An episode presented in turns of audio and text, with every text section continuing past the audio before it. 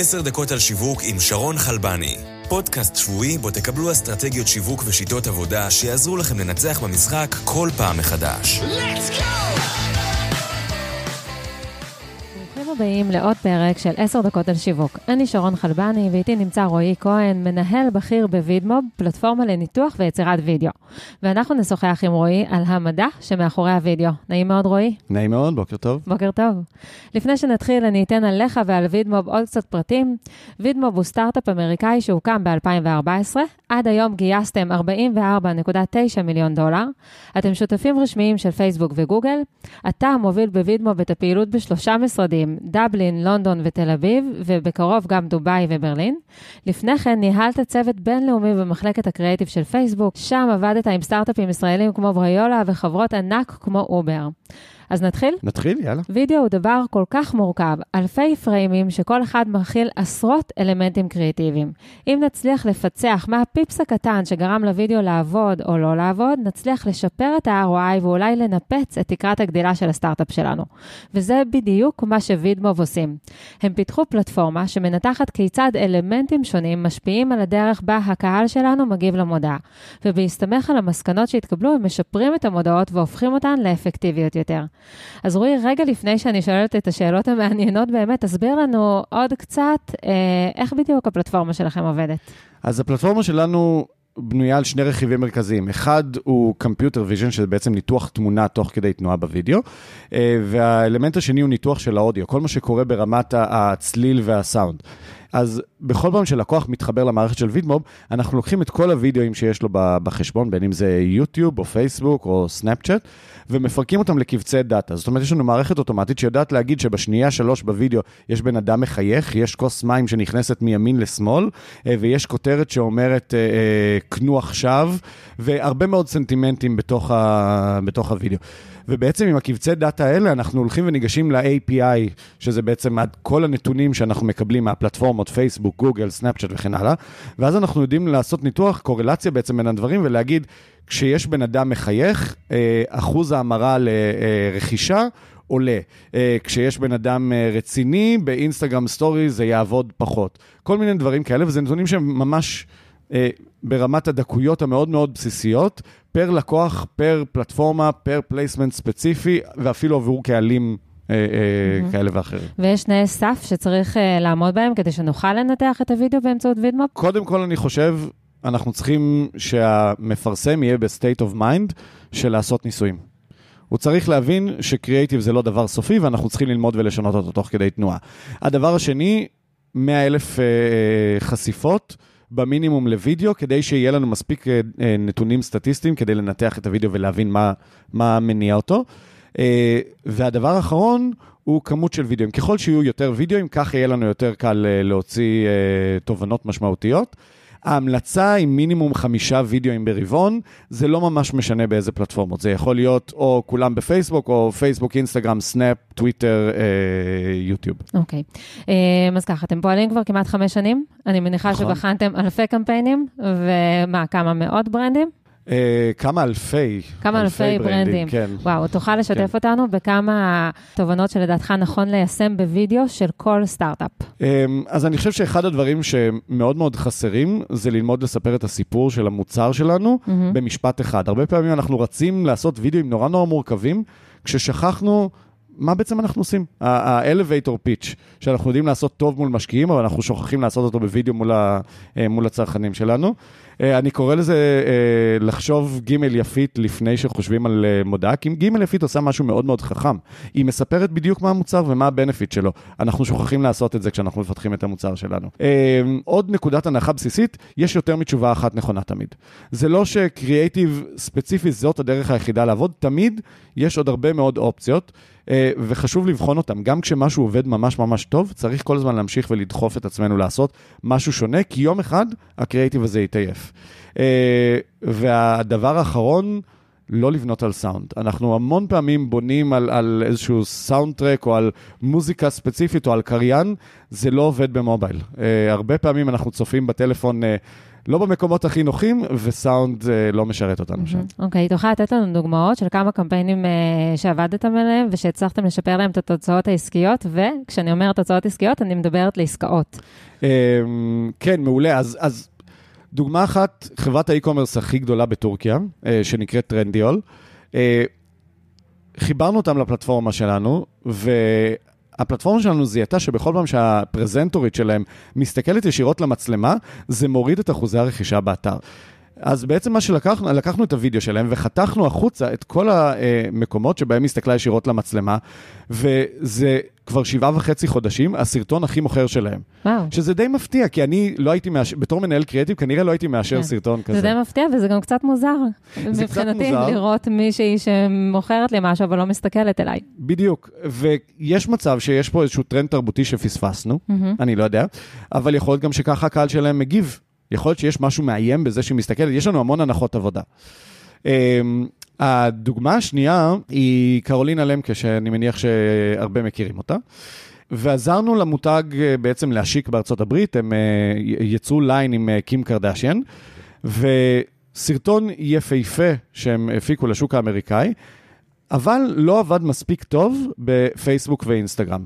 ואז אנחנו נכנסנו לתמונה, והניתוח שלנו הראה בעצם שיותר חשוב מלהראות את קים קרדשיאן ואת המותג על ההתחלה, הוא לספר לאנשים בכלל במה מדובר, שמדובר במשקפי שמש, מה המחיר של משקפי השמש, שזה ליין של משקפי שמש שקים קרדשיאן עיצבה, המון המון טקסט ששכח, שוב, זה חוזר לנקודה מקודם, שכחנו לספר כן. את הדבר הבסיסי הזה של מה זה, מה אנחנו מוכרים פה. Mm-hmm. ומשם גילינו שחלק מהתמונות סטילס של קים קרדשיאן עבדו יותר טוב מאשר הווידאו המאוד מאוד מרשים שלה. אז יצרנו סוג של מין מישמש כזה, שבנוי על הרבה מאוד טקסט בהתחלה, עם הצעה מאוד ספציפית, מחיר מקדימה, אה, ואחר כך עברנו לשילוב של הוידאו היפהפה שהם עשו, יחד עם תמונות שצילמו, אה, תמונות סטיל שצילמו, וזה יצר וידאו שפשוט המיר mm-hmm. פי שלוש יותר טוב מאשר הווידאו הקודם. וואו, זה יכול להיות ההבדל בין קמפיין רווחי ללא רווחי. בדיוק. Uh, עכשיו בוא תעזור לי לפתור את הבעיות העיקריות שסטארט-אפים מתמודדים איתם ביצירת וידאו, כי בסופו של דבר לסטארט-אפים אין את התקציב שיש לקרולינה למקה, והדילמות הן קצת שונות. אז הראשונה היא שכולנו יודעים שסטארט-אפ הוא חיה דינמית, ומדי תקופה אנחנו מבצעים שינויים כמו עדכון גרסה. אמ, איך נכון להכיל וידאו כדי להכיל את השינויים בכל פעם שהם מתרחשים? אז אני חושב שכל מי שיש לו סטארט-אפ מכיר את המונח agile, היום גם בתחום הפרסום משתמשים בו, ש agile זה בעצם לזוז מאוד מהר, ואף פעם אתה לא מסיים את המוצר שלך. אתה כל הזמן מעלה עוד גרסה ובודק איך היוזרים מגיבים, ומעדכן אותה, ולומד ככה כל הזמן. אותו דבר עם קריאייטיב. אין כזה דבר קריאיטיב סופי, אין כזה דבר מודעה מושלמת. להעלות כל הזמן עוד גרסאות וללמוד, וזה לא חייב להיות גרסה מורכבת ו- ומתוחכמת מדי ויקרה להפקה. Mm-hmm. יש היום מספיק כלים כמו פרומו שעוזרים לך לייצר פרוטוטייפים מאוד בסיסיים וללמוד מהם. כן. אחרי שיצרת את הפרוטוטייפ, אז תתחיל לשפר ולשפר ולשפר, ואז באמת אתה יכול להיכנס ולהחליט אם אתה רוצה להפיק ביותר כסף. אוקיי, okay, מה אתה אומר לגבי A-B testing? זאת אומרת, אה, מראש כדאי לי ליצור כמה אה, וידאוים שונים ולהעלות אותם, או ליצור אחד ולראות איך הוא מגיב, ולפי התוצאות אה, לשנות את זה? אז אני לא, אני לא, לא חסיד גדול של A-B testing. הבעייתיות ב-A-B testing, שזה עובד על מנגנון שמחלק את הקהל לשניים. ואז לצורך העניין אנחנו בוחרים כחול מול אדום, כחול הרבה פעמים ילך לאנשים שאוהבים כחול, ואדום ילך לאנשים שאוהבים אדום, ואז נורא בעייתי להשוות ביניהם, כי זה שני קהלים מאוד מאוד שונים. כשיכול להיות שכחול היה יותר יקר מאוד בהתחלה, אבל אם נסתכל בטווח הארוך יותר, לכחול יש יותר פוטנציאל לדבר ליותר אנשים.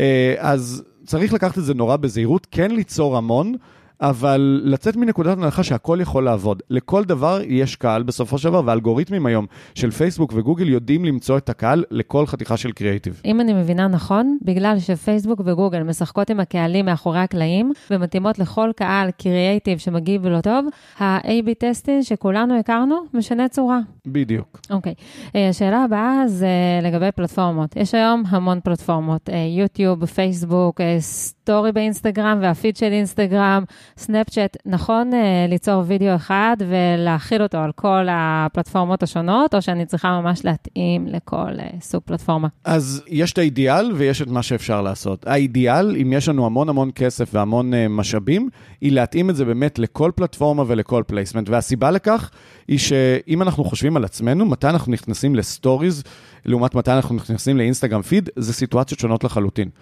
אה, בהמשך לדוגמה הזאת, כשאנחנו נכנסים לאינסטגרם, אנחנו מצפים לחוויה מאוד אסתטית ומאוד אה, אה, נקייה. כשאנחנו נכנסים לאינסטגרם סטוריז, אנחנו מצפים למשהו שהוא יותר בידורי, יותר light, מאוד מאוד אותנטי, מאוד אישי. Mm-hmm.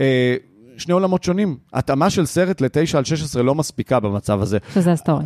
אפילו יותר מזה, אם אנחנו מסתכלים על שני פורמטים שהם 9 על 16, סנאפצ'אט מול אינסטגרם סטוריז, זה קהלים שונים, זה שעות שונות ביום שאנחנו נכנסים לפלטפורמות. אז האידיאל הוא באמת להתאים לכל placement ולכל פלטפורמה.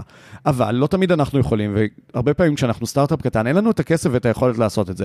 ולכן שווה להשתמש בכלים של הפלטפורמות כדי לעשות התאמה אוטומטית לפלייסמנטים, ומשם ללמוד מה עובד לנו ומה לא. אוקיי. Uh, רועי, תודה רבה. אין ספק שלמדתי המון על ההתפתחות של הפרסום בווידאו. בוא נסגור את הפרק באיזשהו טיפ אחד ממך ליזמים ואנשי השיווק שמקשיבים לנו. שני טיפים ממש קטנים. אחד, הפלטפורמות מייצרות לנו המון המון המון דאטה. אנחנו יכולים לדעת היום כבר מה עובד לנו בסטוריז, מה עובד לנו בפיד, ומה עובד לנו בפייסבוק. תסתכלו על הדאטה, בהקשר הקריאיטיבי, תסתכלו מה עבד לכם, למה זה עבד ואיפה זה עבד.